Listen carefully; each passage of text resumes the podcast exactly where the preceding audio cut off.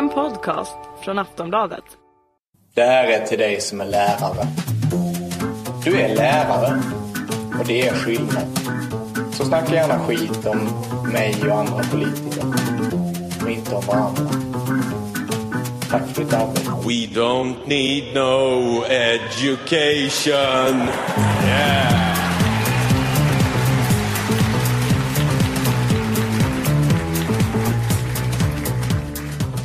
Välkomna gott folk till Flumskolan, världens mest folkbildande podcast. Ett samarbete mellan Aftonbladet Kultur och Galago. Ikväll har vi intagit Mosebacke etablissemang på Södra Teatern. Innan vi börjar så har det blivit dags för ett av samtidens viktigaste moment, nämligen att förstå sig själv genom kritiken från Twitter. Idag tar vi avstamp i Twitters reaktioner på Expressen Kulturs artikel Flumskolan får IG, Kulturpodden som mobbar. Expressen skriver som litteraturkritik är det undermåligt. Som försök till underhållning är det bara obehagligt. Snarare är det en studie i mänsklighetens absolut sämsta mekanismer. En första reaktion. Självklart får Flumskolan IG. Den är så mossig att den bedöms efter det gamla betygssystemet. Psykiatern David Eberhard, bland annat känd för sin stora empati i fallet Anna Odell, skriver Mobbarna fortsätter att i tv trakassera oliktänkande. TV? Gör han diagnoser som han twittrar skulle jag påstå att han kan ha lite dåligt på fötterna. Men ta det bara lugnt David. Din bok Ingen tar skit i de lättkränktas land med baksidestexten Hur kommer det sig att dagens människor blir kränkta av nästan allt? Den moderna människan tycks inte tåla oförrätter och upplever minsta ifrågasättande av den egna personen som kränkande. Den boken står givetvis på vår läslista. Signatur Trollan skriver Kallad Flumskolan med en studierektor som talar. Therese Boman har skrivit mycket bra. Vuxna mobbar och hyllas.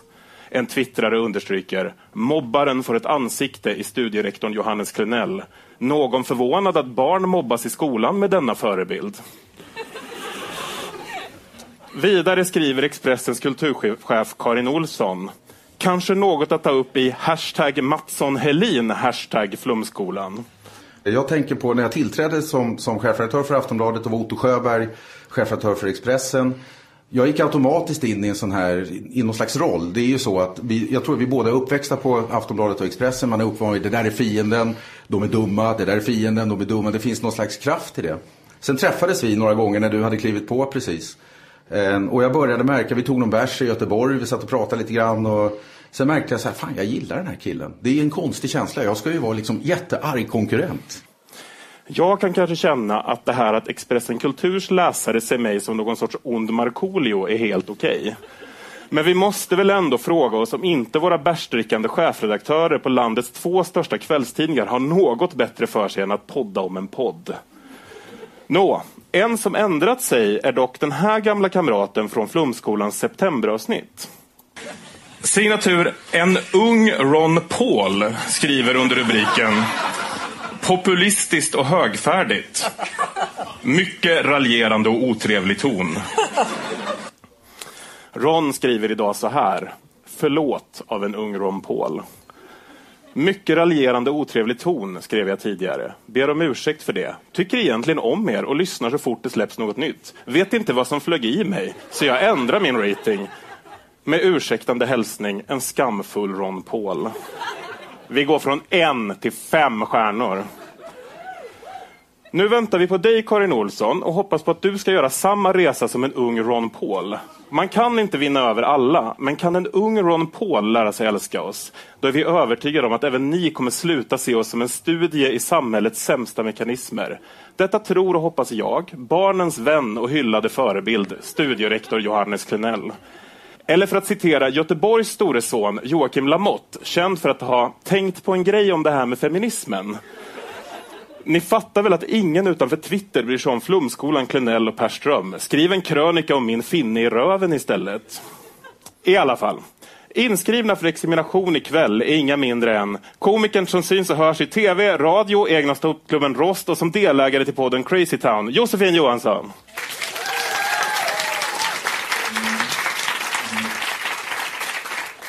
Flumskolan veteran från podden Hämndens timme och skribent för rummet, Judith Kiros. Och journalisten som kan ses i Aftonbladets morgon-tv och höras i egna fantastiska podden Det politiska spelet, Henrik Torehammar.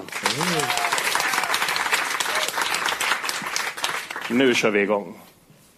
Men vi ska ut till Niklas Svensson som sitter i en helikopter och eh, spanar. Vad har du sett så här långt Niklas?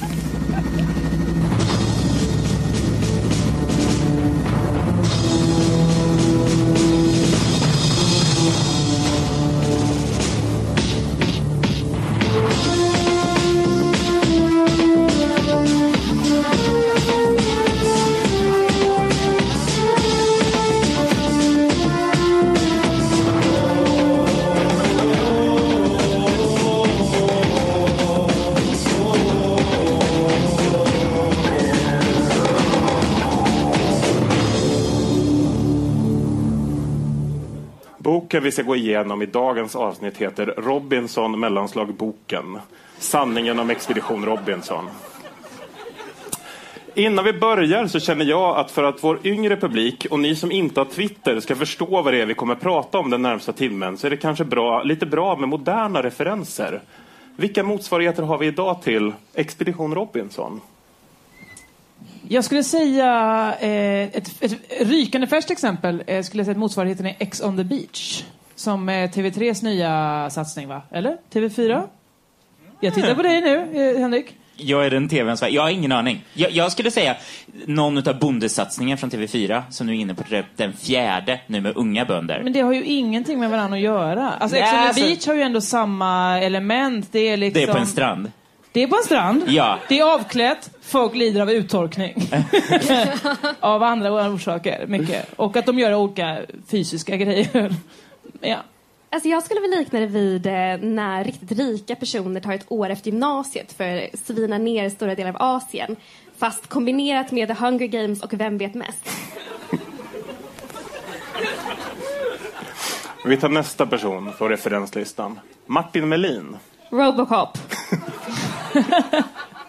Men vad heter Läckbergs, den här äh, Simon. kamppersonen? Simon. Martin Melin. Den förra heter Martin Melin. Ja, det, precis. Men den Läckbergs nya då? Ja. Simon! Simon! okej. Herregud. Jag ska ge honom ett Kan namn. din, din kulturvetenskap. Harald Treutiger. Jag tänker att det är lite grann Rickard Olsson. Alltså den som SVT låter göra allt men som ingen gillar. Eller? Det är väl lite den stämningen. Robinson-Robban. Är det Joakim Lamotte? Va? Är det Jocke Lamotte? Kan det vara? Kan vara. Jag Är det tänker så? mer Samir. Nej men han har väl aldrig målat sig blå och sprungit naken genom ett rum? Alltså himla nära. alltså han är inte Är det. Marcus Birro? Kanske. Du kan vara något på spåren. Jan Emanuel. Alltså, poppis sosse. Det är ju... Det är svårt. Han är också så unik på så många sätt. Att han just gjort dokusåpan och politisk karriär. Och, Och dömts tjänat för mil- sånt. Nej, nej. Förlåt? Han är så här lite härligt italiensk. Verkligen. Han, han tjänar miljarder på nå nå nå skattepengar och sen så... Fast han är inte ladies. riktigt Berlusconi. Det kan man ju inte riktigt säga. Vem är dagens motsvarighet till Niklas Svensson i den här boken? Ja, men är det inte Niklas Ja, jag Svensson som är? Det är väl. Niklas Det Svensson? måste ju vara Niklas själv. Det är Finns en evergreen. Journalistisk heder. Det är att du Niklas Svensson. Att du, att du väntar. Du kan, du kan ta bort ett tweet som du ångrar. Det är motsvarigheten idag. Vi kastar oss direkt in i handleden, handlingen och låter Robinson-deltagaren Martin Melin presentera boken för oss. Det händer ganska ofta att folk jag möter vill prata om Expedition Robinson. De vill veta hur det egentligen var där nere på ön. Vad gjorde vi när kamerorna inte var på? Var det så tufft som det ser ut? Var det på riktigt? Jag blir lite ledsen när jag får den frågan. Var det på riktigt? Som, det är som om delar av svenska folket tror att vi deltagare fuskade oss igenom tiden på ön. Visst, det var en och annan deltagare som gjorde något otillåtet. Men sett över hela övervistelsen var dock dessa saker ganska oskyldiga. Någon cigarett här, en matbit där och så lite rotande i sopor. Alltså, Hur många dagar skulle ni ge så här, säg Paradise Hotel-Jeppe på en öde ö innan han skulle börja rota i soporna? Vadå dagar? En timme, ja. Det är, verkligen, det är inte mycket innan han kommer på att yes, en fördel, då gör jag vad som helst.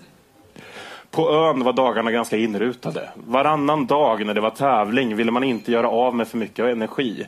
Därför bestod dessa dagar av rätt mycket slappande och slöande. Vi badade mest eller låg i skuggan och ljög för varandra. Bor man 47 dagar på en strand så blir det efter ett tag rätt enformigt. Det är samma sand, samma vatten och samma sol. Dag efter dag efter dag. Tävlingsdagarna var därför roligast. Det var då det hände saker. Men det var också då vi gjorde TV. Vid tävlingsplatsen var det en massa kameror, tält, ljudmikrofoner, vita dukar, reflexer, stolar och bord och en massa folk.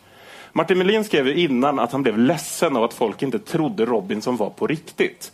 Tror ni Robinson Crusoe också tyckte att tävlingsdagarna var de roligaste dagarna? Jag tror han skulle älskat att få ha tävlingsdagar. Att det skulle komma ett team som skulle fota honom. Men då skulle lag Nord bestå av fredag? Ja. det, det är liksom hela upplägget. Nej men det var ju inte på riktigt, de filmar ju. Alltså det, det, det måste han ju veta om, att det inte var på riktigt väl? Eller? Alltså jag tror att de andra vet det, men ingen berättade det för Martin Melin. Han insåg det efteråt och det är därför han överkompenserar så mycket genom att synas överallt. Ja, för det också, han säger så här, visst, eh, några fuskade. Han, resten av boken är ju bara så. Och sen fuskade alla. Konstant. Ja men alltså kan vi prata om att boken inleds med ett citat från den riktiga boken Robinson Crusoe. Då mitt sinne blev lugnare började jag överlägga med mig själv vad jag borde taga mig till. Och sen så läser man den här boken och bara, ni knarkar, ni rullar runt i sanden, ni blir jättefulla och ni har väldigt gammaldags romanser. Det, ja, men, det, men på något sätt så tar ju, fångar det här citatet också lite. Det var den första strategen. Hur ska jag göra för att överleva? Måste jag ha en pakt? Ska vi ha en killpakt? Hur ska jag göra inför örådet? Ja, det blir ju han och Freda i den killpakten. Ja, återigen, så det, det är en killpakt. Det är en ja. killpakt, det blir det. Men det var ju inte bara sol och bad på Robinsonön. Melin berättar om en storm som drog in över ön. En del blev bara stående och skakade av kyla. Själv tog jag skydd i videobåset tillsammans med Åsa. Där låg vi i flera timmar och kramade om varandra. Och det hade absolut ingenting med sex eller kärlek att göra utan det handlade helt och hållet om överlevnad. Att få värme. Jag hade aldrig någonsin frusit så mycket som jag gjorde den natten. Varken före eller efter. Ovädret höll på i tre, fyra timmar. På morgonen var lägret helt förstört och våra kläder var dyngsura. Lite synd att inte tv-kamerorna på den natten. Alltså, varför berättar han ens det här för oss? Är det här verkligen viktig information? Var det någon som trodde att det hade med sex att göra förrän han sa det? Ja, men om han nu tyckte att det var så synd att kameran inte på få. Han var ju inne i biktbåset. Han kunde ju bara sätta på kameran. Ja, men jag tror han berättade för att det är det konstigaste han någonsin har varit med om. Att han ligger flera, åtta timmar bredvid en kvinna och det är inte sex eller kärlek involverat. Ja, det är helt science fiction för honom. Det är synd att kamerorna inte var där. ja, exakt. Och, och dokumenterar det här. Wow, out of reality moment.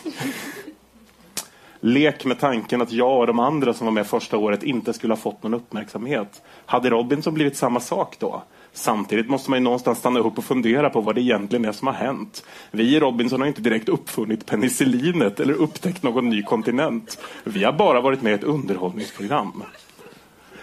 Martin Melin beskriver även Sinnisa, Robinson-deltagaren som tog sitt liv när han återvände till Sverige så här. Han kom fram till mig en gång när vi var på väg till Malaysia. Han hade hört att jag var polis och ville veta allt om hur det var. Han tyckte det var jättespännande och han verkade nästan lite imponerad, berättar Martin Melin.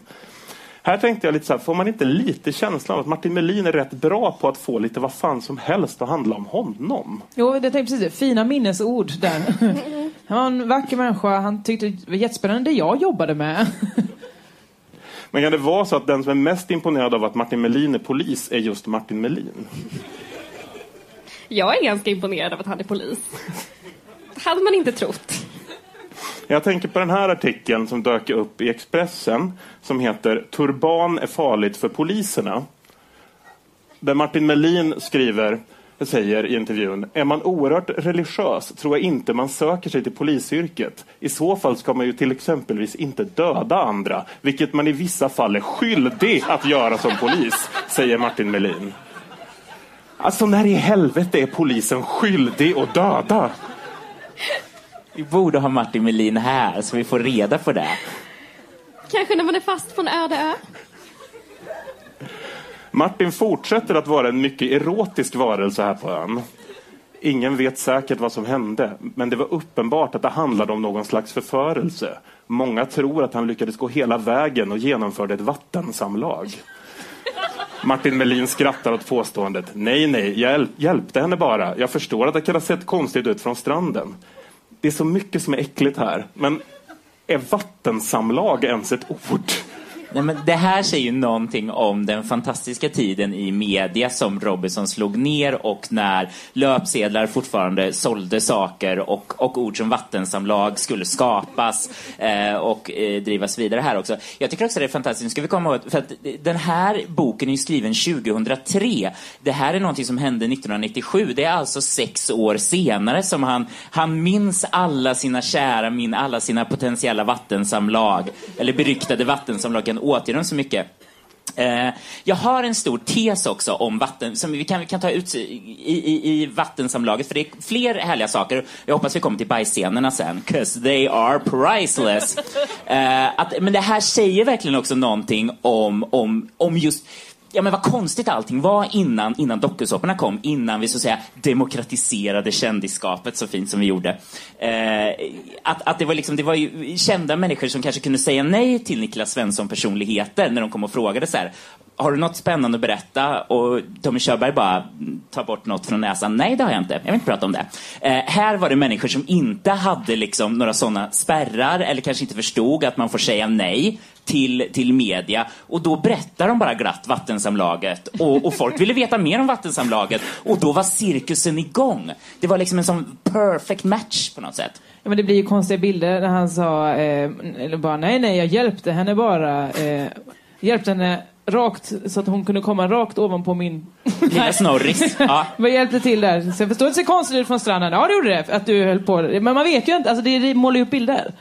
Ja, men, det, jag tror att, men jag undrar så här, är, tror vi att Martin Melin är han bara ett, ett hjälplöst litet kreatur här som det- råkar liksom ha en kvinna på sig och det blir vattensamlagsspekulationer? Eller är det strategen, är det superhunken som risbantar ner sig, som blir sexy, som sen ska ha liksom framgångsrik eh, kvinna i framtiden, liksom bli någon sorts Beckham med Porsche, tänker jag.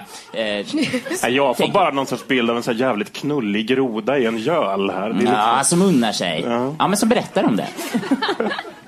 Men jag tror ju ändå Martin Melin ser sig själv som lite av en kvinnokarl. Vi kan ta nästa klipp här.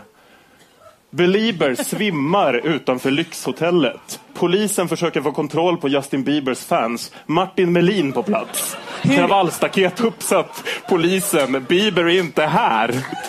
Är det citat Martin Melin? Jag hoppas Nej, det. har vi, har vi, kan vi datera den här bilden? Exakt. Är det här nyligen? Jag tror den här är från 2012. Men är det här en av de här situationerna han pratar om där man är skyldig att döda? Nej, Ja. det är två olika artiklar. Skjuta beliebers.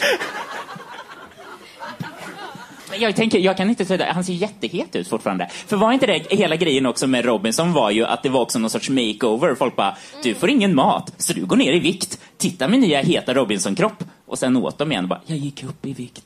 Men här! Du menar att han, Han har bevak, bevarat sina, sina fasta kinder. För att, okej, jag måste också vara ärlig här. Eh, Robinson, 97, var ni i Sverige? Var ni med när det exploderade här? Ja, för Ja. tusan. Jag var nämligen Absolut. inte här. Jag råkade vara i USA på ett utbytesår då. Så att för mig så det... Skämmes! Du Ja, ja, ja, men det var verkligen som jag kom till ett... Jag lämnade ett land som inte hade varit med om Robinson, så kom jag till ett land som hade Robinson-feber och det var två olika Sverige. Ja. Eh, så att jag, jag har liksom inte samma uppenbarligen, så här, alltså som barnidolkänsla som jag tänker att alla andra i Sverige har till Martin Melin. Att man liksom, man grät, man kämpade, man bad för honom. Ett riskorn till till honom. Nej, han blir ju så snygg utan riskornen. Fick de ris ens? Vi ska tillbaks till tiden före Robinson och till hur det blev till. Och då skriver Niklas Svensson så här. Helikopterbilder av folk som simmade mot en ö. Folk som bråkade kring en eld. Mer folk som sprang genom djungeln. Helikoptrar som i Apocalypse Now och mer eld. Det slutade med ett eldklot som kom mot dig och sa Survivor, berättar Gary Carter. Anna Bråkenhielm, då ansvarig för inköp av utländska programformat på Strix, hade bara sett halva videon när hon sa Jag vill ha det! Jag vill ha det nu! Vad vill du ha? Hur mycket pengar? Vi gör dealen nu! Jag minns kanske inte, men var svensk tv så dålig 1997 att det räckte med att se en eld och en helikopter för att bli helt till sig? Kunde ju bara filmat mig när försökt försökte ha mig genom SL en vanlig dag. Men blir hon så, likadan någon sån, en, en trailer till eh, Die Hard? det är ju exakt samma sak bara. Men... Jag tänkte så här, vad fan hade hänt om man hade sett Viljans triumf istället? Och bara, Men, Det är det men, bästa jag sett! men är det inte det här också lite i byggandet? För det är också en sån här sak som tillhör 90-talet. De här starka mediakvinnorna som kunde liksom bara mitt bästa tips till unga tjejer, gråt inte framför chefen. Jag har vassa armbågar, jag tar mig fram. När jag ser en hit så bara snor jag den ur mina konkurrenters armar. Att det var liksom den lite Anna Bråkenhielm-bilden som förs fram här också. Att hon är bara liksom, jag, eh, jag ser, jag ser diamanterna som ni andra inte fattar. Att det är en sån också. men sen alltså, betalade hon hon är- 100 papp för det. Alltså, Det var inte så jädra mycket pengar de slängde ifrån sig i slutändan. Nej, för hon, men hon insåg. Ja, hon, ins- hon såg potentialen. Och jag älskade ju Robinson. Jag hatade att läsa den här boken, förstörde allt. Hela min barndom brinner ner till aska. Hur Tycker du inte var- det var mer spännande? Alltså jag, jag, tvärtom, jag älskar också Robinson och jag tyckte den här boken bara all right. Nu Nej, får men jag man... minns ju inte ens ett Sverige innan Robinson. Jag är för ung för det. Jag, kommer, jag växte upp med Robinson. Åh stackars människa. Men för du var aldrig med... För, för på något sätt, för Robinson, och det, det, det börjar ju också den här så smakfullt med självmordet, fy- 14 sidor. Jag tänkte, jag kunde inte bara väntat med det en sekund. Nej, nej. Liksom. Han nej lägger fyra sidor på varje säsong, men 14 sidor på det. Ja, nej men att det här var ju liksom så, hela, hela liksom Robinson kom till Sverige var ju det här tragiska självmordet som eh, man också på så här kvällstidningsmanér går igenom så här, de hade inte gjort nog, kunde de ha gjort mer? Det är väldigt mycket, väldigt oklart om det exakt har att göra med det här Robinson eller inte.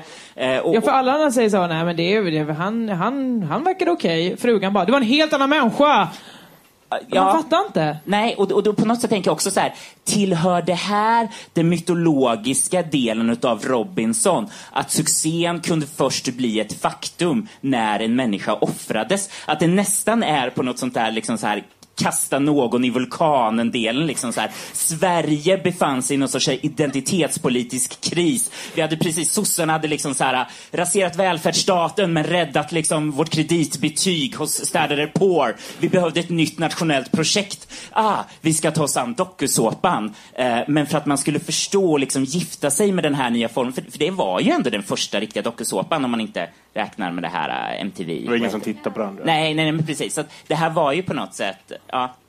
Vi, vi Så då var man tvungen att offra en kille från forna Jugoslavien helt enkelt. Ja, alltså det, det, det blir väldigt problematiskt när man läser också om det här påståendena som är det Robert Aschberg som glatt säger så att Sini sa, nej han skulle aldrig ha kommit med. Det var SVT som ville ha lite mångfald. Ja, just en det. inkvoterad invandrare fick offras för att eh, eh, succén skulle vara ett faktum.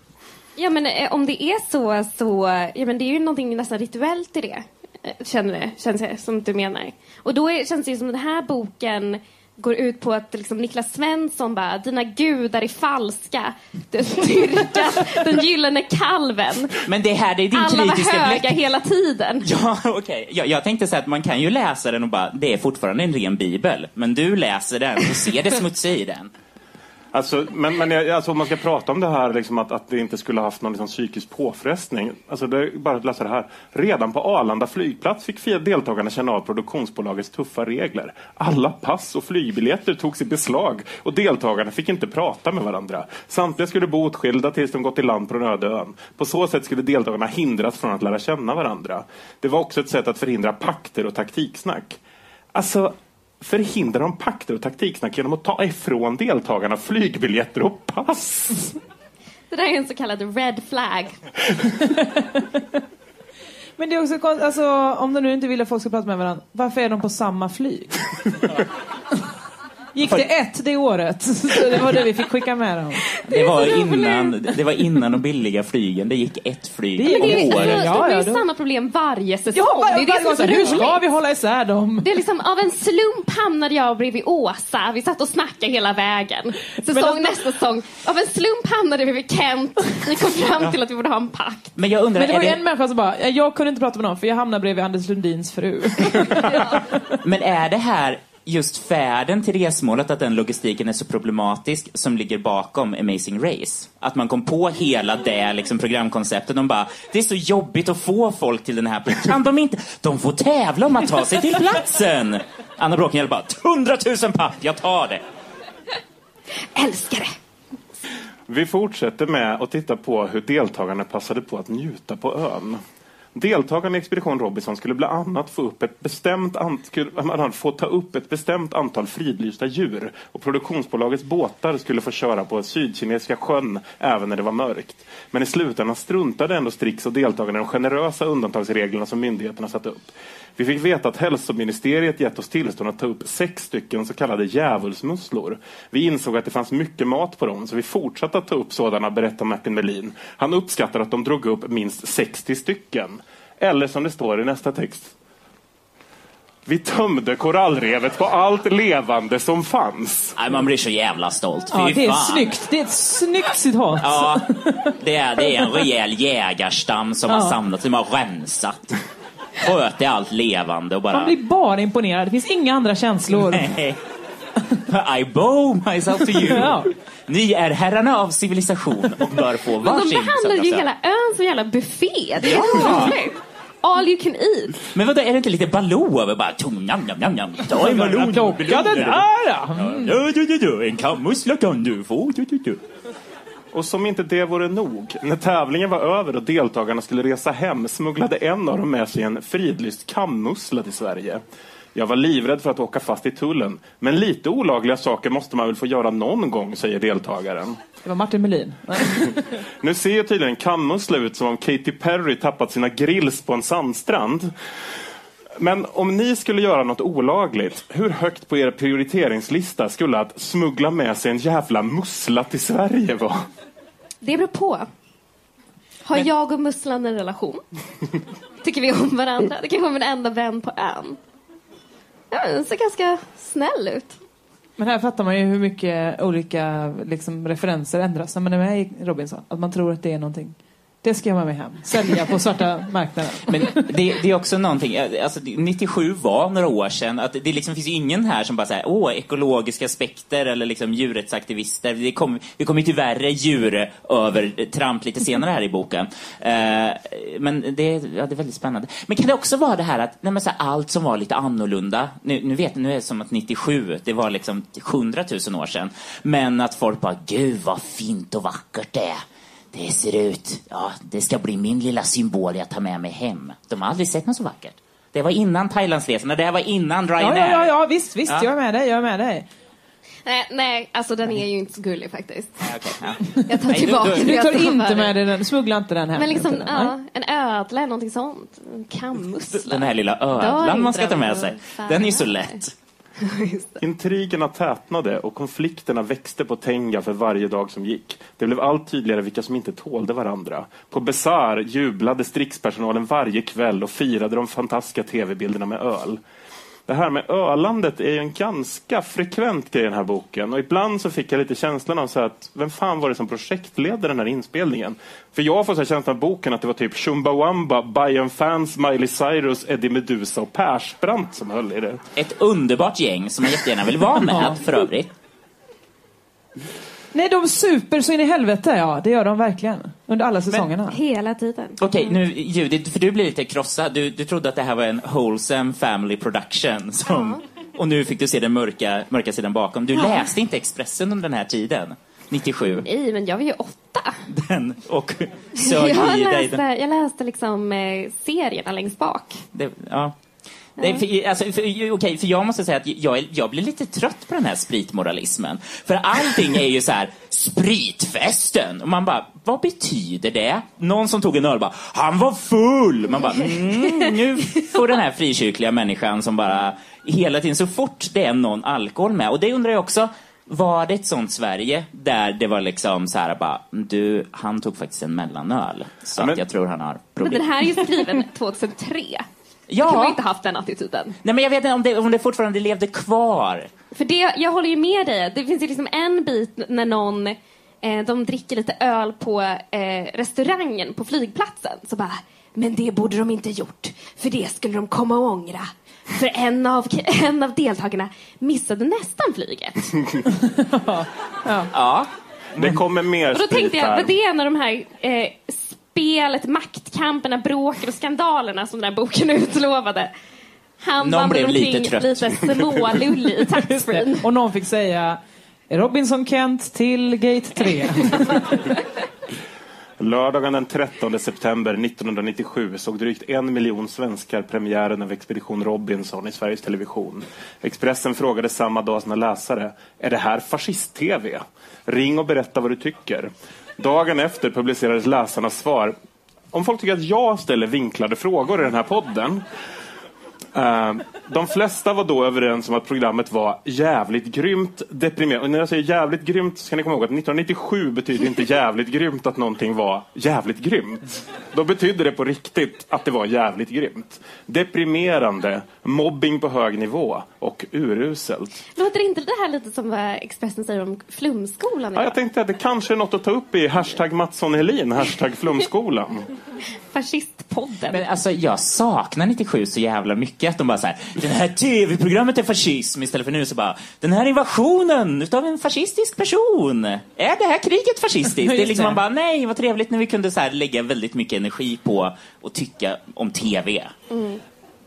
Sam Nilsson behövde inte övertygas. Han var redan såld på Expedition Robinson och ville satsa mer än tidigare. Den andra säsongen skulle därför bli 5 miljoner kronor dyrare än den första. Jag satsade mer pengar för att kvaliteten skulle bli bättre, säger han. Budskapet från Sam var tydligt. Expedition Robinson skulle bli mer public service än tidigare. Alltså, de senaste veckornas kulturdebatt har ju handlat om just public service-utbudet. Tror ni fem miljoner dyrare och Expedition Robinson går hand i hand med till exempel Karin Olsson och Johan Kroneman vill se public service och deras utveckling? Men det här är ju en exakt, alltså den här debatterna hade de ju när typ TV3 eller TV4 tog över Robinson. Att då satt liksom, eh, vad heter hon som precis avgick? Hamilton. Eva, Eva och bara så här. Ja, nej men faktiskt om ni kommer ihåg hur vi hade när vi hade det, då hade vi inte den här buren. Det här liksom fascistiska omänskliga buren som man ser i TV4, TV3. Att det liksom, det var på den nivån som man uppfattade så här liksom, när public service kommer in, då blir det inte såna träburar. Det blir en annan sorts burar. Alltså, nu har ju public service blivit dyrare sedan 1997. 5 miljoner räcker väl inte ens för cheferna att drogtesta programledarna på Barnkanalen längre? Vi har också haft hyperinflation sedan 1997 ska vi säga. Så. Ja, ja, visst. Nej, men jag skulle gärna se vad de gör med, ifall under samma tak för fem miljoner, vad händer då? Kanske att man kan köra det på Marskolonin? Men var det inte Hassela-kollektivet. Men var, det här är inte så genomtänkt tanke, men var inte det exakt de här sakerna, jävligt grymt deprimerande mobbing, var inte det exakt det som sades om grillad första säsongen? Tänk om det hade fått göra fem säsonger till. Och fått 5 miljoner till. Och folk hade fått åka till Malaysia och supa ner sig. Vad kul vi hade haft då. Ja, Men det här mobbning- mer public service. än. Men just det här att det var mobbnings-tv, är det någonting också extra med liksom den svenska självbilden av liksom, vi är Astrid Lindgren-landet, vi förbjuder barnaga, vi är snällisar och nu plötsligt så blir liksom den, den yttersta kulturella manifestationen som liksom folket vallfärdar till, det är just den här, det är mobbnings-tvn. Men det var, de, den här åsikten höll ju i två veckor. Sen var ju alla bara, det är ett intressant socialt experiment faktiskt. Mobbning är spännande, vi borde göra det Kul! mer på Ja. arbetsplatser. Skit i det där, ta, gör mer. Kul! Men vad var mobbningen? Rådet? Vad är det folk hatar? Ja, du får inte rösta ut folk, för det är mobbning. Ja, just det. Eller, ja, nu, det, kommer jag inte, det är väldigt lätt i efterhand att säga så här, liksom, att gud vad töntiga de var som blev arga. Ja. Och så, ah, vad heter han som typ är död? Tänker jag. Men du vet den här som Harald Treutiger. Harald Treutiger sitter och har liksom, så börjar de bråka om så här. ah, Ingvar Oldsberg. Nej, nej, nej men det, det, Men han var väl inte det är en svensk publicistisk hjälte. Är det ingen som kommer ihåg den här klassiska intervjun? Eh, han ifrågasätter inte av Sveriges Radio stora publicister. Så här, Harald, hur tänker du då? Du, du har jämfört det här med Flugornas herre. Har du läst den boken? Vet du vad som händer med dem? Barnen dör. Barnen dör. Har du bara med att ge dig för i helvete? Pio vill jag säga. Skitsamma. Eh, nej men det var liksom, och då, då tänker man alltid så här, aha, det här är ju eh, liksom moralkakan om att så här, ha inte massa moraliska åsikter om TV innan du har sett någonting, för du verkar väldigt daterad efteråt. Men det kanske var så att, var det mobbnings-TV som vi älskade? Ja, det var väl det. Det är väl det Ja. vi tycker om. Det är väl det som, så länge man inte själv är utsatt så är det väl toppen att titta på det antar jag. Alltså på TV, inte, på, Men inte det i känns ju verkligheten. liksom nu när vi lever i eran efter Paradise Hotel. Det är ju det som gör att perspektivet på Robinson blir så himla konstigt. Det är väl känns det. så, då känns det ändå Ja, men då wholesome känns det och så fint. himla fint och gulligt och de bodde på ön och skulle samarbeta. Kommer någon ihåg, jag bara återupplever alla mina fina minnen. Kommer någon ihåg när Jan Emanuel fick välja mellan 10 000 kronor till sig själv eller korv till alla i sitt lag? Och han valde korven. Är det någon som kommer ihåg det? Det gör vi alla. Det som nation minns vi detta, Minns ja. Inskrivet för Det evigt. skulle ju Jeppe aldrig göra. Nej.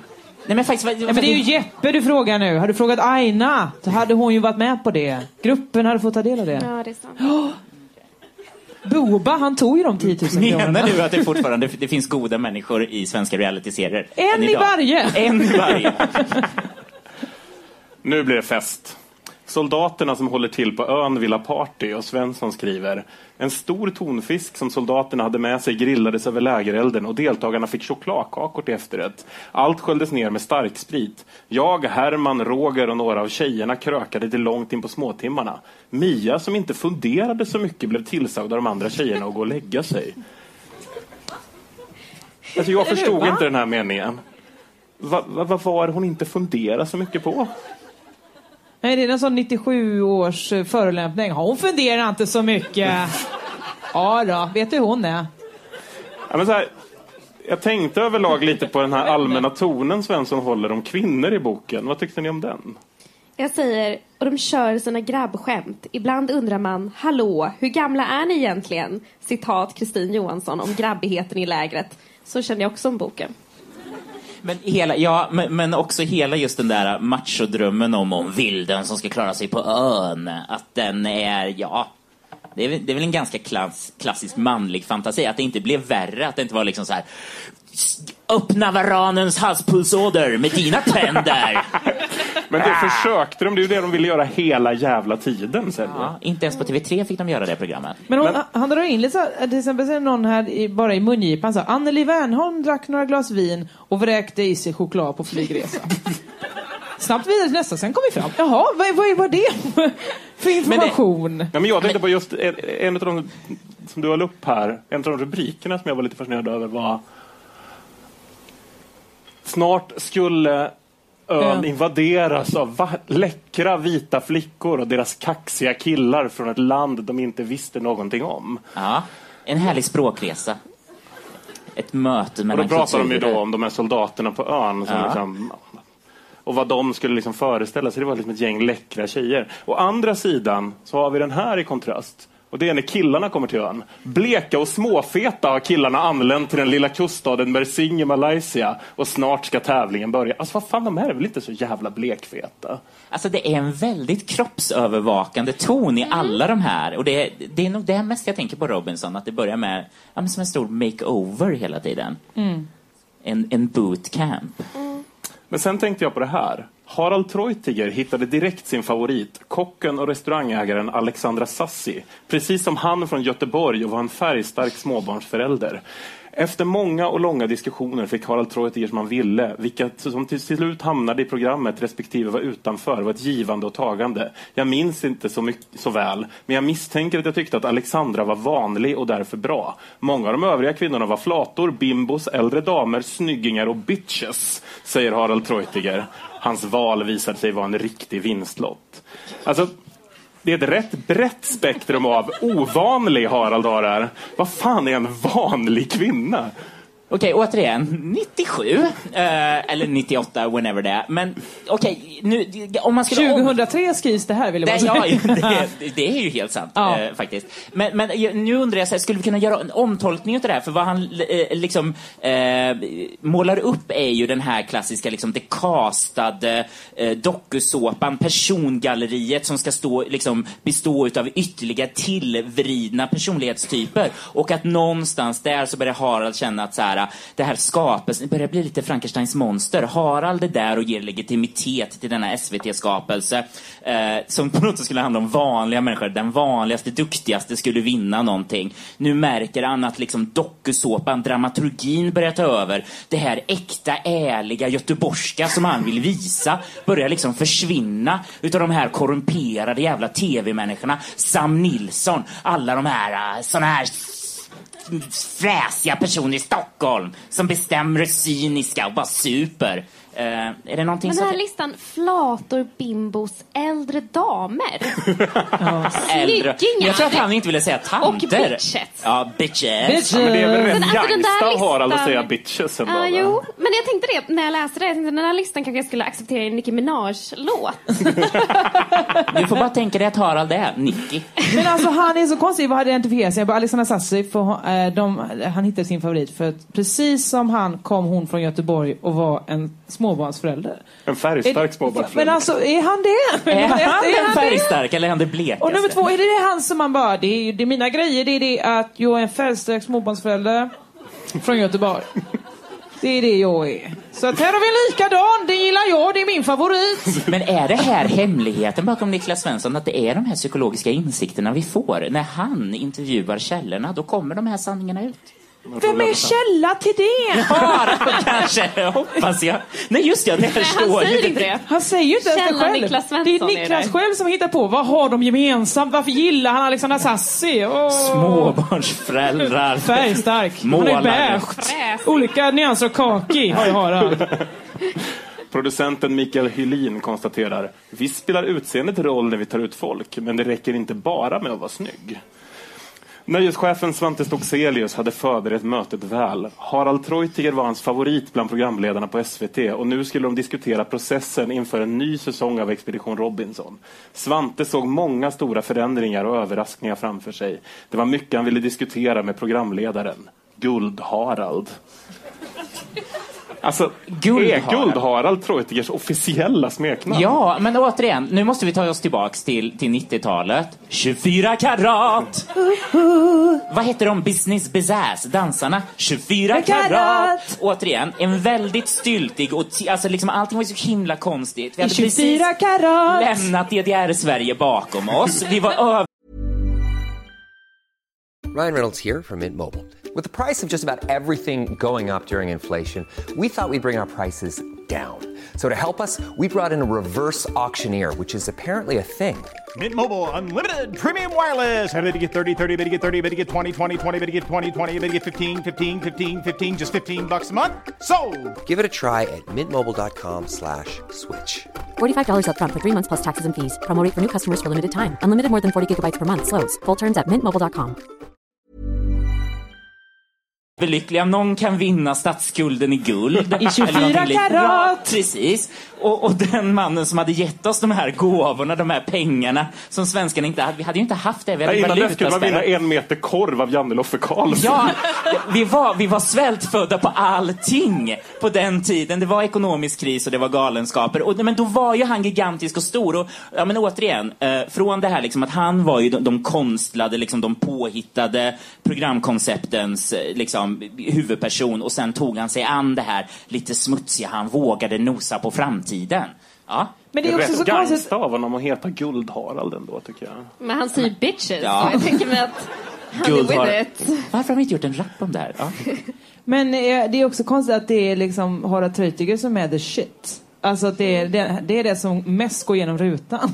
Alla vill ha honom. 2003. Ja, visst är det Alla. konstigt? Var inte han den minst karismatiska människan man någonsin sett i Kaki? Eller hur? Men återigen, nu kommer ni inte ihåg de kom och tänkte- Skjort, till och med skjortan i kaki sk- sken mer än Men han. återigen, vi, vi hade precis gjort oss av med Bosse Hansson. Alltså det var liksom, vad hette det här som hade allsången? Det var ju dem vi var vana vid. Och sen fick vi det här lilla blonda pojken, gubbpojken Harald Treutiger. Och vi sa, nej men gud, kan det vara så roligt att titta på TV? Ja, det kan det. Och vi visste inte om det. För vi Ja, men nu ska inte... de hitta en ny hunk. Och vem fan hittar de då? Anders Lundin! Återigen! Det var grading on a fucking scale här. Sexy i jämförelse. Vi har tagit oss väldiga steg innan vi kom till Samir. Ja, det har vi och, och verkligen. Danny, etc. och andra stora programledartalanger vi har i Sverige idag. Men vi måste minnas vår historia. Det är allt jag vill. Bosse Larsson menade jag, inte Bosse Hansson. Var inte det här någon sportmänniska Jo. som är död? Okej. nej. Jag vet inte. Förlåt, varför jag säger att alla är döda hela tiden? Så fort någonting händer på 90-talet bara, den är förmodligen död. Efter ett svårt oväder reagerade en läkare på inspelningen så här. Efter bara ett dygn krävde läkaren Jim Sundström på nytt en evakuering, vilken Strix gjorde till, va till varje pris ville undvika. Det resulterade i att inspelningarna avbröts och läkaren Jim Sundström lämnade Filippinerna i protest. Strix styrelseordförande Robert Aschberg kommenterade hans beslut. Jag vet att läkaren inte är nöjd. Han valde att åka hem på det sättet jag tyckte var, och det tyckte jag var djupt olyckligt. Produktionsbolagets VD Anna Bråkenhielm fick senare frågan om hon tagit åt sig av kritiken. Hon svarade nej och jag är glad att han inte är vår medarbetare längre. Alltså den här attityden från Strix, kändes det som de någonsin riktigt hade Robinson-deltagarnas hälsa i första rummet överhuvudtaget? Ja, men allting känns ju som att de har chansat ihop. Eller att det är som att när man läser den här boken om eh, han Andreas polarexpedition. De bara, vi ska, vi ska ut till Nordpolen, vi tar yllekavajen och eh, sidenslips. Ja men det gör vi. Alltså likadant var ju det här, de har bara så, eh, de här eh, krokodilerna, de ser så gulliga de bits inte. Nej, alltså de, de hittar på bara. Alltså det är ju faktiskt en mardrömslik plats. De går ju igenom, man får ju mellan de här farliga djur och växter i Malaysia. Det är så Det är så jävla- jävla mycket saker du kan dö Och vad bara, är den liksom. farliga växten? Ja, det är kokosnöt. Det är en kokosnöt. Det är också den enda växten. Nej, tusenfotingen. Ingen växt! Men sandloppan, äckliga små varelser som är svåra att undvika. Betten blir lätt infekterade sår, alla dör. Nej, kan börja klia står det. Men det var fantastiskt med kokosnötter. Många dör i kokosnötsrelaterade olyckor. Det kräver varje år ett antal människoliv i den här delen av världen. Men det är också så här, de hade kunnat bara säga farliga djur och sen "Ö, förresten, kokosnöten är med farlig. Alltså det är inte så många växter med här. Men, men kan den här läkarens attitydproblem vara kopplade till att han var typ den enda nyktra på plats? Precis, om han bara hade druckit lite och varit lite med på spelet. Jag är glad att han inte är med den nyktre killen. Ja, men jag tänker att det är liksom inte helt orimligt om de anställt så här Motley Crue som säkerhetsansvariga. Och att den här läkaren, han blir liksom som en större partyporter än typ Sara Ahmed i det här läget. Vi går Vi vidare. pratar om kornsnäckorna bara. Det är en bild på en jättevacker snäcka, eller typ vacker snäcka. Dödligt farliga och vackra snäckor. De har ett nervgift som direkt påverkar det centrala nervsystemet. Blir du stucken kan du dö inom en timme. Sen får man reda på lite senare att det tar ungefär åtta timmar för ett räddningsteam att komma till platsen när någon blir skadad. Ja, det var höga insatser och vi fattade det inte. Ståuppkomikern Agneta Ekström sökte till Expedition Robinson för att bli känd. Det var mitt viktigaste syfte. Jag förstod ju att kändisskapet skulle hjälpa mig i jobbet, säger hon. Fyra år senare, våren 2003, skrev hon ett brev till Göteborgs kulturförvaltning och krävde att få ett eget hus på en ö i skärgården. Egentligen förtjänar väl alla som varit med i Robinson ett eget hus, förklarar hon. Men kommunen höll inte med. Josefin Johansson. Ja. Som står upp komiker och deltagare i tävlingsprogrammet Det stora matslaget. Ja. Vilken boendeform känner du att du gjort dig förtjänt av från Stockholms stad? Ja, men jag förstår Agneta här. Att jag, jag vet vad hon är ute efter. Hon är ute efter en sån eh, som det finns i Hunger Games, en sån vinnarby. Där att alla som har varit på TV ska få bo på samma ställe. Och det finns ju redan, det heter Bromma. Nej, de har- Ah, va? Skoj! Nej, jag skojar. Eh, Nej men, eh, jag, jag håller med henne. Jag tycker, jag tycker hon borde få det. Men okej, kan vi bara komma tillbaka? Var det så här Agneta påades när hon gick med i Robinson? Stå upp Agneta, 'cause I didn't remember she was that funny. På Men det jag minns eller? inte Agneta. Åh förlåt, alltså, jag minns faktiskt inte henne alls. Jo, jo, men Agneta var Agneta och Jerker. Det är Agneta och Jerker som hängde ihop liksom. Hon var she was a fag hag. Men okej, eh, det, här, det var en vacker sak som växte Det var en väldigt tunn man, Jerker. Han Ja. vann. Ja. Han blev en gay-hjälte, HBT. Så här. Den första HBT-vinnaren av reality. Det var väldigt stort. Men sen försvann, ja, han ville ju inte Sen vara med. Sen flydde ju han utomlands. Ja, För att, så här, han knäcktes av det hela. Men det, då vill jag säga så här att det var just det här framgången och det här att alla kunde bli kändisar. Agneta, she grabbed it by the balls och hon bara så här, jag är ståuppare nu, ge mig ett hus. Hon hade ju liksom ingen så här, Jerker han knäcktes ju, ville inte prata om det, blev socionom. Det är liksom så olika sätt man hanterar det hela. Jag vill bara säga att innan vi pekar på de här och säger att de här är helt agentlösa eh, offer för strukturerna. De hittar ju olika sätt hela tiden att lura systemet. Till exempel genom att fuska och supa och, och ja, men det känns samlaga. som att Agneta är den som har... Det är inget fusk, det får man. Alltså jag har, jag har ingen bild av henne, men när jag läser den här boken så får jag en känsla av att hon är den som inte har någon känsla för proportioner. Det är väl det, att hon liksom är med i Robinson, skriver och ber om att få ett hus. Hon röstas ut ur Robinson, hon säger direkt efteråt kändes det som att jag har blivit avrättad. som om jag var i Auschwitz. Ja. Återigen, det är det att var ta i. Var det verkligen det? Vi får inte neka henne hennes känslor. Nej, men jag bara säger att det, det finns, jag har inte, men jag vet andra som varit i Auschwitz som kanske hade, ja. Känner att eh, det finns färre kokosnötter ja. där. Som tack för vänskapen och kanske spriten försåg nattvakten sedan deltagarna i Lag Öst med mat från tv-chefernas egen hotellrestaurang. Deltagarna åt därför samma mat som Anders Lundin, Per Sinding Larsen, Svante Stoxebus och Robert Aschberg. Rena gourmetmiddagarna skrattar Ösen.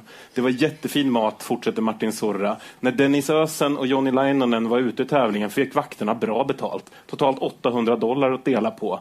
Det var 200 gånger mer än en dagslön från Strix. Alltså, nu vet ju jag att det är tufft att ta sig in i mediebranschen. Men är verkligen cirka 35 kronor om dagen en rimlig dö- lön för liksom lite kontakter på Strix? Ja. Ja. Ja, Men men, det förklarar ju varför de eh, Strixarbetarna var så hatiska hela tiden. Tog ut all sin ilska på eh, Robinson-deltagarna. men det måste ju ändå vara bättre betalt att så här Ja, men blogga liksom, på eh, Nöjesguiden eller något sånt. Ja, det är så sant. I can tell you that for a fact. men, eh, men jag tycker liksom att det når ju liksom helt galna nivåer. Som när de tvingar två av deltagarna att bära en cementbåt från ena sidan av ön till den andra. Och sen så är de typ så här, äh, sorry vi glömde filma. De gör ju sådana saker hela tiden. Men gjorde de inte det bara för att de skulle fejka ett inbrott från det andra laget i deras Ja, läger? just det. Vad är det här med eh, kycklingen? Ja, det är Chicken Gate. Ja, men det är det jag menar, det är hittepå. De leker ju tv. De bara, nu, okej, har ni brutit det? Vi gör det igen, så filmar vi den här gången. Alltså de är för dåliga. Ja, men de för fuckar ju med dem hela tiden. Någon annan gång så tar de en massa av deras grejer, alltså Strixarbetarna. Tar en massa av deras grejer och bara oj, vart kan de ha tagit vägen? Ja, det var de hittade en lapp där det stod Ja. Kan det uppstå heta känslor om man misstänker varandra för stöld? Ja. Ja, just det. Även bland journalisterna fanns heta känslor. Vid ett tillfälle låg två reportrar och hade sex i ett rum samtidigt som Robert Aschberg och andra från Strix satt i rummet ovanför och hade fest. De skulle bara vetat vad vi gjorde, säger en av journalisterna. Svante Stockselius, som tidigare arbetat på Expressen, visste hur han skulle hantera de stressade Stockholmsjournalisterna. Han ordnade därför en frågetävling med Robinson-anknytning med en liter vodka i första pris. Den journalist som vann spriten blev på kvällen kraftigt berusad och raglade över till Strix-personalens bostäder. Alltså den här dealen är ändå ett jävla paket. Som Strix-medarbetare får du hela 35 kronor om dagen och chansen att träffa en aprak murvel från typ Af- Aftonbladet på just ditt hotellrum. Vem är källan till det? Att två journalister låg med varandra ovanför eh, Robert Aschberg.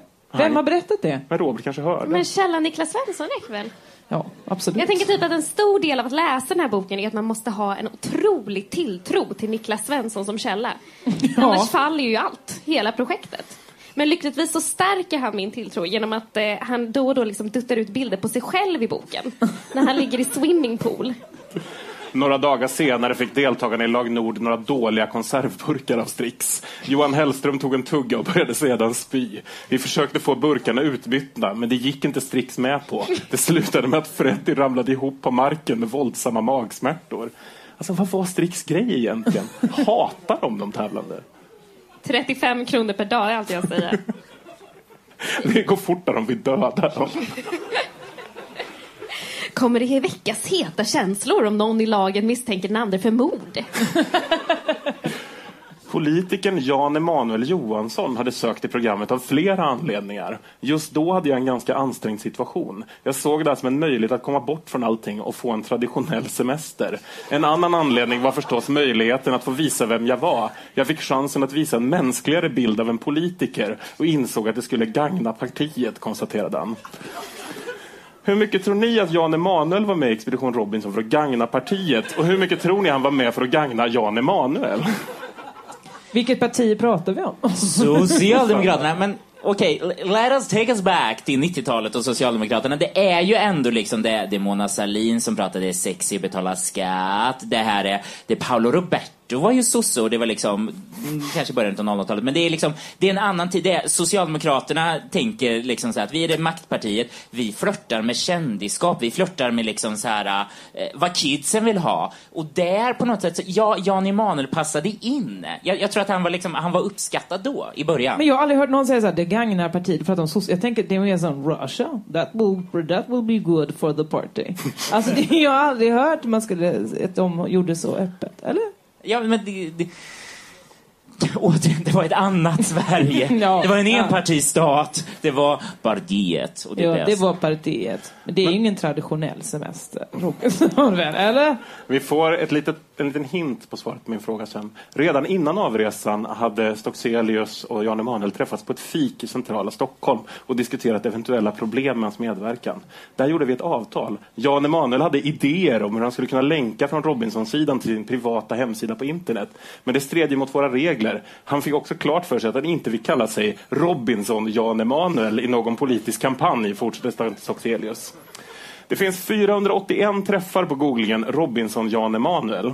Det ska dock sägas att ingen verkar komma från någon valkampanj. Däremot är det återkommande exempelvis texter som Robinson Jan Emanuel åtalas för skattebrott. Den tidigare riksdagsledamoten misstänks för ekonomisk brottslighet. Eller Robinson Jan Emanuel försökte hyra ut sin lägenhet till ockerhyra. Pinsamt, kommenterar han själv. Tror ni att det helt enkelt var så att Jan Emanuel inte kunde hålla sig längre och bara ja, ja, skriv om skattebrotten bara ni kallar mig Robinson Jan Emanuel? Nej, men jag tyckte ju om det där med att han hade idéer om man ska länka till Robinson från sin hemsida. Men tänker du ta oss tillbaka till 1997 nu? Let's go back till HTML-tidens eh, spännande början. Ja, nej, men det stack ut för mig. Jag har gjort en hemsida på Angelfire. Har du hört talas om det? För flera deltagare blev fiskebyn en naturlig plats att besöka under matletandet i djungeln. Där kunde man ta sig en tupplur utan att känna att lagkamraterna såg något. Jan Emanuel Johansson blev vid ett tillfälle upptäckt av Zubeide Simsek och Emma Andersson. Han hade sagt att han skulle ut i djungeln för att hugga palmhjärta. Han var ofta borta i tre timmar när han skulle leta mat, men den här gången kom vi på honom. Han låg på en kudde och sov, berättar hon. Jan Emanuels förklaring var att han bara mediterade en stund. Det här med skulle ut i djungeln och hugga palmhjärta. Är inte det en hyfsat poetisk omskrivning för att gå ut och onanera i skogen? Men jag hade också glömt bort det här jävla palmhjärtat. Hur det tog sig in i vokabulären. Kommer ni ihåg hur hon Sassi hur många gånger gjorde och så ska vi steka ett palmhjärta här i TV4. Japp, ett palmhjärta. Ja, då kan man tillreda det. Alltså det var så jävla mycket prat om det här. Ja, alltså Ja, här med. är, äh, Niklas Svensson har ju också gett oss recept från Expedition Robinson-tävlingen. Paj på stulen mango. Detta behövs. En hel kokosnöt, en näve palmhjärta, en stulen upphittad mango. Men, det det, här- blir ingen paj av det. Jo, jo, men det här är ju det här vi ska prata om macho, det här machokock-idealet. Det här är ju en pre-Gordon Ramsay typ så bara, Du bara tar en liten jävla, du snor lite jävla skit, du tar en näve, du krossar det, mosar ihop det, kallar det för paj, käkar det. Det är liksom den här nivån utav grabbighet som hela tiden ligger latent. Nu kommer vi till min favoritkaraktär i boken. Strix kristerapeut. Psykologen och kristerapeuten som skulle ta hand om de svenska deltagarna när de röstat ut genomgick själv en svår kris under tv-inspelningar i Malaysia. Mannen, som var gift och hade flera barn hemma i Sverige, hade på Sibu Island Resort träffat en utröstad kvinnlig deltagare från Danmark. Problemet var att danskan redan hade pojkvän och att hon framför tv-kamerorna lovat sig att gifta sig med honom. Samband, I samband med de vilda festerna på deltagarnas resort hade kristerapeuten vid flera tillfällen sex med den danska deltagaren. När kristerapeuten efter inspelningen ställdes mot väggen av en kvällstidningsjournalist svarade han helt kort Jag kan inte kommentera dina uppgifter. Och för de utrustade deltagarna blev det inte mycket till kristerapi efter veckorna på Robinsonön. Han var mer i behov av att prata än vad jag var. Så här i efterhand kan man nog konstatera att det var klart olämpligt att skicka dit honom, säger Leif Svensson. Antoni Mattax väntar fortfarande på sitt krissamtal. Han har ringt mig några gånger och sagt att vi borde ta en golfrunda och snacka, men det har ännu inte blivit av. Alltså hur mycket älskar ni kristerapeuten? Jag älskar att han heter Kris. Man fattar det. Vilken terapeut är det? Det är han i Kris. Kristerapeuten. Ja, just det. det är han. Men det här är också, det här är det- här lite magiska, att det är hela tiden de här danska och norska. Och är det ofta de norska, vilka är det som är sluttiest? För det, är- Det är det är danska. ofta... De danska. Det är de danska Ja. som unnar sig sådär. Att det här är någon sorts liksom parallell verklighet som man aldrig fick ta del av och som man hela tiden... För då kan ju inte, det spelar ingen roll om man säger så här liksom, ja det var alltså Robinson-Siri som låg, man, man bara, nej men jag vet inte vem Robinson-Siri är. Jag skiter ju fullkomligt i de här. Att de här parallella liksom världarna, dokusåpa-generationerna som, som liksom Tänk om man fick se samtidigt. dem. Varför ge... Kan vi inte prata om det mest magiska då? då? Bajset. Nej, nej, nej. Den schweiziska glömda, gömda. Eh, Ja! ja! Säsong tre! Det finns ju en hel säsong Ja, just som de det. spelade in och bara sa vi är geniala, vi spelar in en hel säsong av Robinson och säljer i efterhand. Mm. Ingen ville ha den. Så tredje, liksom tredje årgången utav schweiziska Robinson ligger inlåst i ett bankvalv. With Niklas Svenssons poetiska ord. Och det sätter ju Ja. igång fantasier. Åh, Vilka var den. Robinson-Robban? Vem var den Agneta? Vem har det tarmvredet än idag? ja. Och Den här kristerapeuten återkommer ju i ett läge och det är ju efter finalen när en av deltagarna går in på sitt hotellrum och bajsar på golvet inför en annan deltagare. Det är en bra bajshistoria. Eh, Ska vi läsa högt där? Du kan läsa upp det här, Jag läser upp den. Ja, nej, men vänta. Ganska långt bak tror jag. Den är ganska... Ja, här. Eh, Jesus. 162.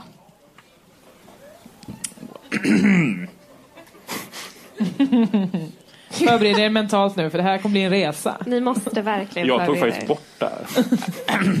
Ja men det här, ja men just det, ja, okej, nu, förut sa jag så, åh det är så jävla moral, panik över det supandet. Men kanske det ligger någonting i dina varnade fingrar ändå, Johannes Klenell, när man läser detta.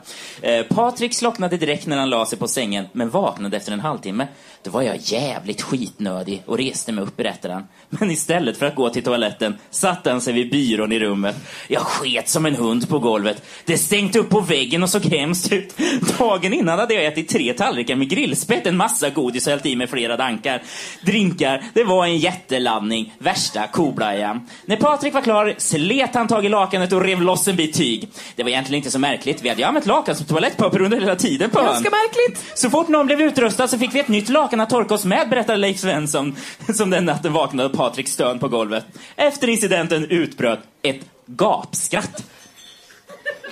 Ja, det var för jävla roligt när du sket i Ja, hörnan. kul! va? När jag låg bredvid och Åh. kände det här bajsdoften. Den, den redigt goa liksom. Och hur reagerade kristerapeuten på det här? Ja, vad gjorde den? Han tyckte att man skulle tysta ner det. Jättebra kristerapeut på ett sätt. Eller om man säger medierådgivare. Men är det här också ett tecken på just så här, vad, men vad, vad gjorde det här med ölivet, det här supiga, lite Thailandsresenäriga, att det liksom så här tar bort den tunna fernissan av civilisation som människan har lyckats uppnå under de senaste 40 000 åren? Tes tanke? Frågetecken. Ja. Svar ja.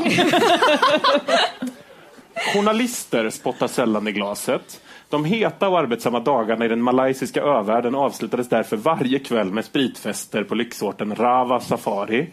Se och Hör storsatsade och hade två reportrar och en fotograf på plats. Dagens Industri skickade en tidigare kvällstidningsstjärna med en egen kamera för att skriva om miljonrullningen i dokusåpafabriken. Nyhetsbyrån TT Spektra bevakade programmet och deltagarna för landets lokaltidningar, liksom fotografen för Pressens Bild. Och tidningen Journalisten var där för att bevaka oss. Själv slogs jag och fotografen Cornelia Nordström med Aftonbladets team om de största skandalerna och olyckorna. Bulls ensamme frilansfotograf kämpade för att de får de mest utmanande bilderna på Emma Andersson och Zubaide Sinsek. Artiklarna lämnades förstås oftast innan taxfree-vodkan plockades fram. Men de sista kvällen kom det sig att flera journalister skrev artiklar trots att de var kraftigt berusade. Jag är inte den som är den, och jag är absolut ingen moralist. Men låter det här antingen som helvetet på jorden, eller är det bara en helt vanlig dag i kvällspressen? Men alltså nu börjar det ju bli, nu har vi ju lämnat Robinson, nu är det ju bara Niklas egen dagbok. Att han bara berättar, ja och sen så, så se, söp vi ju ganska mycket där, åh vad kul det är, mm, så Cornelia va, på Aftonbladet, vilken tjej. Alltså det bara pågår. Det är ju det att vi nu byter fas i den här boken. Vi kommer in i bokens thrillermoment. Rummet på Rava Safari Resort bokades av en Mr Smith och betalades i förväg med ett Eurocard. Mr Smith hade för avsikt att stanna på resorten Rava Safari ett par veckor. Möjligen med ett undantag för kortare utflykter i den malaysiska övärlden. Du är välkommen. Det är lugnt och fridfullt på resorten nu. Det är bara några deltagare i en svensk tv-serie där, förklarade kvinnan i receptionen på andra sidan jordklotet. Varken hon eller Strix-representanterna, som flera gånger i veckan gick igenom bokningspärmen, förstod att Mr Smith var en svensk journalist med ett annat namn. Okej, det är ju Niklas Svensson och inte the talented Mr Ripley här direkt. Men skulle ni anta det helgenomskinliga namnet Mr Smith? Hmm. Om ni Brad skulle vilja att ingen skulle använder det misstänka att ni var någon annan. Det är faktiskt sant. Brangelina har använt det namnet. Ja, så Men det är så himla kul att han väljer till Mr Smith. Han kunde lika gärna bara Miklas Benson. Då hade ingen fall. Men det här är också bara det här som står under ett kvitto från Rava Island Resort. Eh, en reporter behöver inte sky några omkostnader för att få en bra story. Vilket jävla skitsnack! Eh, Ett, ja, men fast också jag tror att det är lite sant för Niklas Svensson på Expressen. Han får ju typ så här bara, ta, behöver du en helikopter och åka runt 90 timmar för att jaga en påhittad ubåt? Gör det Niklas Svensson. Han, han är ju lite som Robert Redford. Ingen har sagt nej till honom på 25 år. Fast det här kvittot är på en frukost. ja, okej. Ja, men jag tänker Du fattar inte, 97, det var en annan tid. Men jag tänker, okej, nu, nu kommer Niklas Svensson dit. Han är klädd i liksom trenchcoat, hatt, solglasögon, lösmustasch. Ehm, Mr Smith. Ett par veckor senare klev jag därför av den lilla motorbåten vid tvåtiden på eftermiddagen. Försiktigt hade vi lagt till vid den långa träbryggan Borava och ännu tyckte ingen på resort resorten att det var något märkligt. Hjärtat dunkade fortare och jag kände mig lätt nervös. Trots att jag var förberedd på det mesta försökte tänka på hur jag skulle hantera situationen om det var Gudrun Schyman eller Björn Rosengren som jagades för en obetald dagisräkning eller ett dyrt porrklubbsbesök. Inte samma sak vill jag bara säga. Nej, också, det är ju olika- Mona Sahlin som var... Ja, skitsamma. Ja. Då skulle inget stoppat mig i jakten på ett par pratminus och en löpsedel. Och här börjar vi komma till så här bokens mer uppenbar, uppenbara så här dagskoppling. En ö full med fulla journalister och produktionsbolagsanställda, kommunpolitiker, överklass, självgoda poliser och jag är Niklas Svensson. Är Expedition Robinson och Almedalsveckan egentligen typ samma sak? Ja. Att han står bakom en tidning som har hål för ögonen. Tittar. Alltså, På man skulle kunna säga... Nej men titta, Ja, det är är svårt att veta vad som är vad där. Ja, men för jag, jag, jag gick gjorde en liten koll här va, och, och läste igenom lite artiklar skrivna av Niklas Svensson och jämförde. Och då är det så här, nu är vi på Robinsonön. I ögonvrån såg jag Robban Andersson och Vincent Hamilton gå omkring på stranden till höger om bryggan. På andra sidan låg Mirre Hammarling i en stor solstol. Hon hade en bok i handen. I restaurangen satt Johan Hellström och fingrade på sin mobiltelefon. Jag visste redan så mycket om årets Expedition Robinson att jag skulle kunna sänka hela produktionen. Intalade jag mig. Ingen upptäckte mig förrän jag stod i receptionen och bad hotellägaren leta upp Mr Smith i värmen med bokningar. Johan Hellström såg lätt chockad ut när han kom fram och tog mig i handen. Några minuter senare gick larmet och produktionsledningen på Paul of the Sun och bla bla bla bla bla. Och i ögonvrån såg jag, eller, först när jag fått i mig första mackan i frukostmatsalen upptäckte jag finansminister Anders Borg vid bordet bredvid. Några bord bort sitter hans partikamrat, Moderaternas partisekreterare Kent Van Persson med sina medarbetare. Plötsligt reser sig ministern upp och förklarar högt och tydligt. Jag måste gå på muggen. Vi ses strax. Samtidigt kommer beskedet att PR-företaget Westanders jury har utsett stödkommittén Free David, David, David till vinnare i konkurrensen om uppmärksamhet under Almedalsveckan för kampanjen Sitt med David. Det är Expressen i samarbete med Författarförbundet, Journalistförbundet, Publicistklubben, Reportrar under gränser, Svenska PEN, Sveriges tidskrifter och Utgivarna som tillsammans med stödkommittén står bakom den framgångsrika kampanjen där man kan prova på att sitta instängd i en lika stor cell som den David Isaac sitter inlåst i. Alltså, har Niklas Svensson utvecklats stilistiskt alls under de 12 år som har gått sedan boken skrevs? Nej. Alltså nej. Men hans selfie game har ju blivit bättre. Eller hur? Ha, har det han det? har Jag vet inte vad som är först före och sen. Alltså han ser olika ut på, han har en sån... Eh, Har Niklas ögon? Vi ser dem aldrig. är det som så här med Taylor Swifts navel? Den har aldrig fångats på bild. Wow. Nej, men han har en sån Carolina Gynning-utseende. Ser olika ut på alla bilder. Ja. Eller hur? Man känner aldrig igen honom. Nej men okej. men- Och det man- är hans styrka. Ja, verkligen. Men man kan ju lugnt säga så här, liksom, att Niklas Svensson har fört liksom, Robinson-journalistiken, eller dokusåpajournalistiken till, till eh, politiken. Och jag menar liksom att politiken nu är, ja men precis som så här, nöjesjournalistiken, liksom, du måste säga hela tiden och han kör liksom det här, han jagar skandalen och grejerna och sånt där som liksom, kanske ingen annan som tycker det är jätteviktigt, men du vet, det var eh, någon drack en öl en gång, var råfull, wow, eller du vet så här.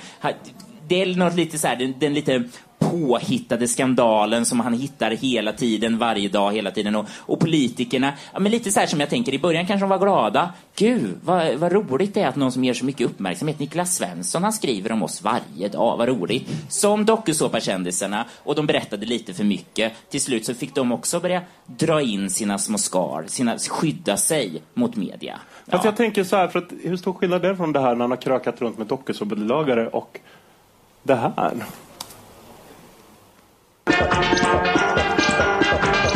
Här ser vi alltså Niklas Svenssons 40-årsfest. Men du ser, man vet Vi inte, har vem är Niklas? Lars Ohly där. Han vill liksom vara med med Bildt här och dansa. Är det där? Alla har Niklas Svensson-masker. Så han vill egentligen bara vara på en fest med sig. Snart kommer Per Schlingmann in dansandes.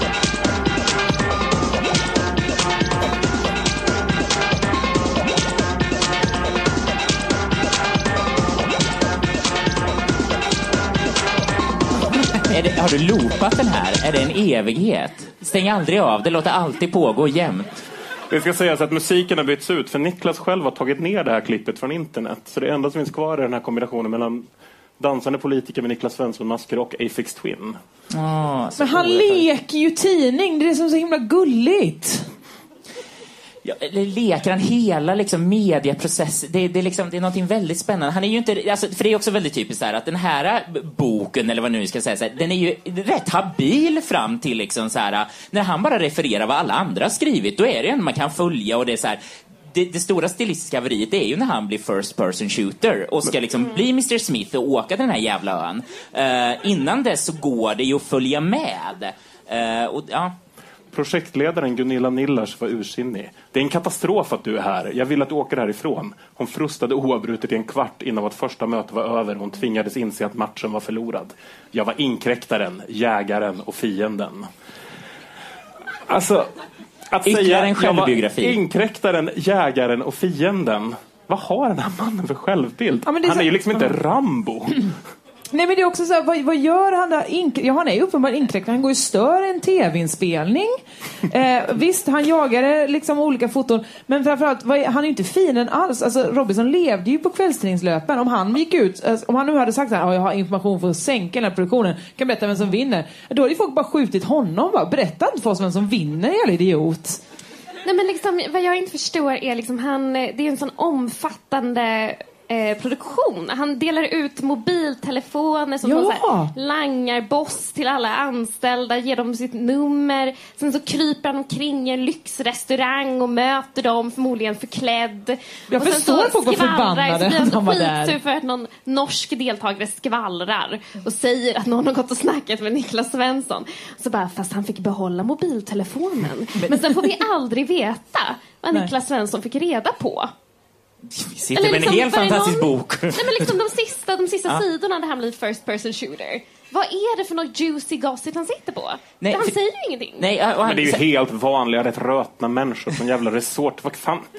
Vad kan det vara? Hur spännande kan det vara? Fast okej, det, det, det säger ju ändå någonting också om hans arbetsmoral. För okej, vi kan hålla på och skra, skratta och fnittra åt Niklas Svensson, but he is kind of the hardest working man in business. Alltså han, han jobbar ju hela tiden, uppenbarligen, han, han uppfattar till Ja, och han med jobbar fester. på en bar. Jo, jo. Återigen, men vem skulle, vem skulle någonsin tycka att det var värt att åka till Tenga? Mr Smith, jag ska ta ut jättemycket pengar. Vet du hur jobbigt det är att göra en reseräkning? Tänk dig skicka till Bonnier bara, hej, ja, det här ska jag få igenom, det här ska vi... Alltså, han utsätter ju sig för så väldigt mycket. Ja, för vad? Ja, precis. För Vad får han ut av Och sen så det? utsätter han ju alla andra för väldigt mycket. Typ här, det här är vad jag vet det enda han lyckades prestera. Några dagar senare att strikt motvilligt Robban Andersson och Vincent Hamilton poserar framför min kamera i ett par timmar. Kravet var att jag inte skulle ta någon kontakt de närmaste dygnen. Fotograferingen kunde slutat riktigt illa. Robban och Vincent kastades ut i havet från en flera meter hög cementbrygga utan att först kontrollera hur djupt det var. Med svåra ryggsmärtor återvände Robban till resor- resorten. Är det det han menar när han säger att han kunde ha sänkt hela produktionen? Han kunde ha dödat Robinson-råttan. Måste vi göra liksom en liten skala så här mellan Strix själva, mellan Niklas Svensson Ja, och kokosnötterna? Vad är liksom farligast här? Vi går in mot slutfasen här. Och då skriver Niklas Svensson. Dokusåpajournalistiken hånas oftast och vi som arbetar med den betraktas som kollegor från seriösa tidningar som något katten släpat in. Men tidningsköparna älskar inte bara programmet, de vill också läsa om det. Därför ser ni Robinson, Robinson Robban och Robinson Emma på löpsedlarna. Och därför älskar jag mitt jobb som nöjesreporter på Expressen. Politiska esset Thomas Ramberg besvarar ju lite det här i din podd så här, Henrik. Då tycker jag att Niklas Svenssons lite mer underhållande bransch, den är väl kul, den får finnas. Han älskar sitt jobb som nöjesreporter på Expressen för att tidningsköparna älskar att läsa om Expedition Robinson. Är det det vi kan konstatera? Alltså? Ja, alltså det, det, på något sätt är det ju essensen utav kommersiell media att man ger eh, konsumenterna, lyssnarna, läsarna, köparna vad de vill ha. Och man ger dem mycket. Nu ger vi dem klicken istället för eh, löpsedlarna. Men vad har Svensson emot seriösa, inom citattecken, tidningar? De, de, de tycker han är tunn. De liksom så här, Det är för lite kuk och fitta i det. Ja, men det, det, det, alltså, där står han ju också för, alltså, återigen, det, det historiska perspektivet. Att vi har haft en ganska, förlåt, men... Eh, Ja, nej, låt höra farbror. Eh, det, det, men att vi har haft en ganska återhållen medial situation i Sverige. Att våra eh, liksom, eh, tabloider kallades kvalloider för att liksom, jämfört med hur det var i resten av Europa så var alla bara Fuck vad duktiga ni är på liksom, att så här, inte så här, fotografera nakna prinsessor eller bara påstå att någon är gravid med aliens och sånt där hela tiden. Eh, vi hade en högre nivå på media och vi var liksom inte Storbritannien eller whatever. Eh, och det här liksom bröts ju ner också igen under 90-talet och kanske var det väldigt mycket Expressen som, när de var lite identitetmässigt freefall eh, och tappade, liksom, tappade till Aftonbladet sin, sin storposition så, eh, ja men då liksom fick alla, okej vi får testa vad som helst, vad är det som funkar? Eh, Robinson funkade ju också ganska Mm. mycket som ett, liksom, ett tillfälligt sätt att liksom, fånga upp publiken. Och han, han är mitt i det. Han måste ju på något sätt ha en jävla känsla för zeitgeisten och för liksom, vad är det folk vill ha? Är han, vår, är han den största uttolkaren av den svenska folksjälen? Vad vi egentligen vill ha och vad vi behöver? Publiken älskar sitt Robinson och journalister tycker inte om att jobba i motvind. Men vad är problemet? Att journalister är kappvändare? Inte alls. Problemet är att succén med Robinson tillsammans med alla upp, sina uppföljare, Farmen, Big Brother, Baren och Fame Factory etc. har gett Sverige en ny typ av journalistik, dokujournalistiken. Ett journalistiskt skådespel som pågår året runt och där journalisterna själva deltar som en andra rangens manusförfattare i ett tredje klassens skådespeleri. Jag tänker, är inte det här ganska precis det som har hänt med den politiska journalistiken också? Där är han, alla ska vara med på selfien. Åh, Björkis. Han har inte så bra selfie-game. titta. Vi ser på en bild, där blundar han lika mycket. Men det här ser vi, Niklas Svensson har i alla fall öppna ögon här. Så att han har ögon. Men du ser återigen helt olika än förra bilden. Man vet liksom helt. Han, han är magisk. Men han behöver inte ens eh, förklä sig. Han behöver bara öppna och stänga ögonen så det är som helt olika människor. Men just den här om, omdaningen av liksom politisk journalistik, stämmer det att den har kommit? Att den har närmat sig liksom dokujournalistiken på det sättet? Ja, och vem har vi att tacka det för? Du underbara hjälte. Du inskyndare av nya tider. Niklas Svensson, mitt journalistiska föredöme i allt. Eh, jag, jag Men är det inte också att politikerna börjar bete sig mer och mer som dem? Ja. Att de blir ihop med Dominika Persinski? Eller? Vad är hönan, vad är ägget här? Ingen vet, nej exakt. Nej, du har faktiskt helt rätt. Ja, Det är klart du har. tack. Boken avslutas med en annons för en resebyrå. Dags för en längre paus i vardagen. Då är det hög tid att börja planera. Vi har ett brett utbud av resmål i Malaysia. Allt från vita stränder, läckra hotell, annorlunda natur och klimat, spännande djurliv. Vi tror att du vill ha lite av varje och kanske lite bekvämare än Robinson-deltagarna. Smiley. Kontakta oss så hjälper vi dig att skapa ditt eget Robinson-äventyr. Hej då vardagen är payoffen. Det var det här Jan Emanuel försökte. kanske var det han var ute efter egentligen. Råkade ta fel. Men blev ni så här lite resesugna av att läsa boken? Nej, nej verkligen inte. Nej. Tvärtom mer sugen på att aldrig mer typ va- sätta mig fot bland mediamänniskor. det var väldigt osugen på dem. För att avsluta det här nu då. Vem ska läsa den här boken? Judith? Um, ja, någon som vill kunna iscensätta sin egen Robinson sexspritfest. För här finns ju allt man behöver. Det finns information om hur man ska ha sex, med vem, gärna någon som använder uttryck som rycker i baguetten. Um, vilken mat man ska äta och vilken sprit man ska inta och hur mycket. Jag tycker att de som ska läsa den är alla de som såg en kvart av Robinson. Så, så det, mer behöver man inte för det blir sådana minnen, de bara sköljer över en. Man har sett mer än man tror när man ser de här resuméerna. Där han går igenom alla säsonger. Avsnitt för avsnitt. Så väl, Jag orkar inte läsa det. Nej, alltså... Det är första gången som jag inte har läst allt i en bok. Jag, Ja, men jag tänkte det. så, nej jag, jag skummar sen bara, nej. Jag, jag ska fan ta mig igenom det. så då fick man också lära, ja. Det är verkligen pytteliten text, Ja, många upprepningar, mirre hit, mirre dit. ja det, det var Sen många förlorade nordarna, men syd kom igen året efter. Ja. Det är, det är spännande beskrivningar. Jag skulle säga alla som, ja men faktiskt alla som är intresserade av vad Sverige var för sorts land mellan När? Säg när. 97 och 2002. Nej men så liksom att, att det, det, det är någonting spännande som händer här och det fångas upp saker på något sätt. Det var en brytningstid. All, alla seriösa historiker bör ta denna källa, denna urkund och förstå vad var det som gick snett i Sverige? Var det här på Robinson? Vad var Niklas roll i det hela? Låt oss undersöka och gå till Jag botten. älskar de här inskannade dagboksbilderna som att det är Anne Franks dagbok. Ja. man bara, det här är lika viktigt. Allting. Men återigen, det, ja, folk ville ha allting. Allt som man kunde få. Varje litet riskorn utav Robinson var man redo att Mm. suga i sig. Vad har ni lärt er av att läsa den här boken då? Henrik? Eh, att Sverige var i en brytningstid och att det var någon som har fångat den. Eh, nej men jag, jag, jag, mycket av kvällstidningsjournalistik för att allting är skrivet i den här formen utav liksom så här och den gjorde och det blev fel och den här jättearg konflikten och den borde faktiskt ha fått den här, alltså det är något väldigt så här liksom lite skvallrigt insinuant och liksom bråksökande som jag tänker, nu när jag jobbar på Aftonbladet, jag får ju lära mig det här. Jag måste ju, ja, en förebild helt enkelt.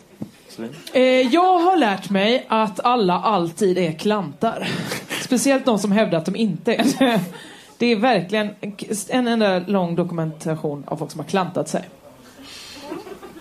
Judith? Eh, Jag har lärt mig tre saker. Eh, Det, för, det första är att varje gång som deltagarna vill att man ska klippa bort någonting så vrålade de balle eller kuk. Och det tänker jag använda i mitt day-to-day life. Eh, Fungerar det så att om du säger ballekuk, ja, nu får ni, du får inte använda det här längre. Tyvärr. det existerar inte längre. Sen så eh, lärde jag mig... Gud, sa jag tre saker? Jag menade två. Eh, sen lärde jag mig att man fortsätt ge Niklas Svensson helikoptrar. Bara fortsätt. Jag vill, jag vill verkligen se vad som händer. Det är så billigt. Ja, men han ska få alla, alla helikoptrar.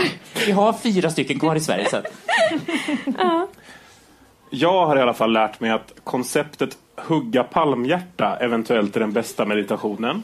Att Strix har haft ett klassmedvetande någonstans samt att vem fan behöver Robinson när vi får exakt samma upplevelse på Gotland en gång om året. Med de orden vill jag tacka Henrik Torhammar, Judith Kiros och Josefin Johansson. Nästa gång vi ses så ska Flumskolan tackla Lars Adaktussons självbiografi Världens bästa story. Wow. Ge panelen en varm applåd. Flumskolan är slut för idag. Tack, tack, tack. Tack, tack.